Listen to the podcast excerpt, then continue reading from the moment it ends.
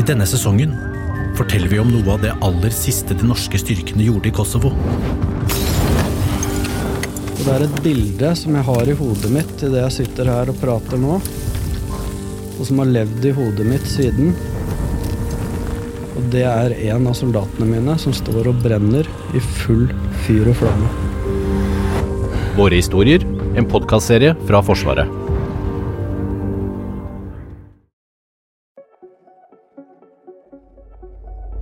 I 20 år har norske soldater kjempet i Afghanistan. Så kom det jo flere håndgranater inn, og så var det en som datt litt nær oss. Og da husker jeg jo fra den håndgranaten traff han Eskil i, i, i panna. Og måten jeg så at den traff det var jo på at det rant blod på innsida av den, eh, den eh, maska. Så så du på blikket hans at, det her var, ja, at han følte det her var alvorlig.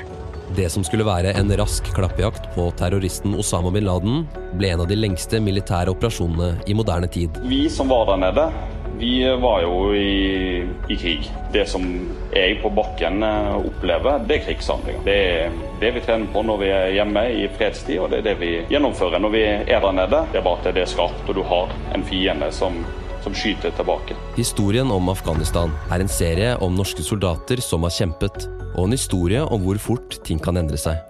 Hør podkastserien der du vanligvis lytter til podkast. Historien om Afghanistan, en serie av Forsvaret. Du har hørt en podkast av Forsvaret.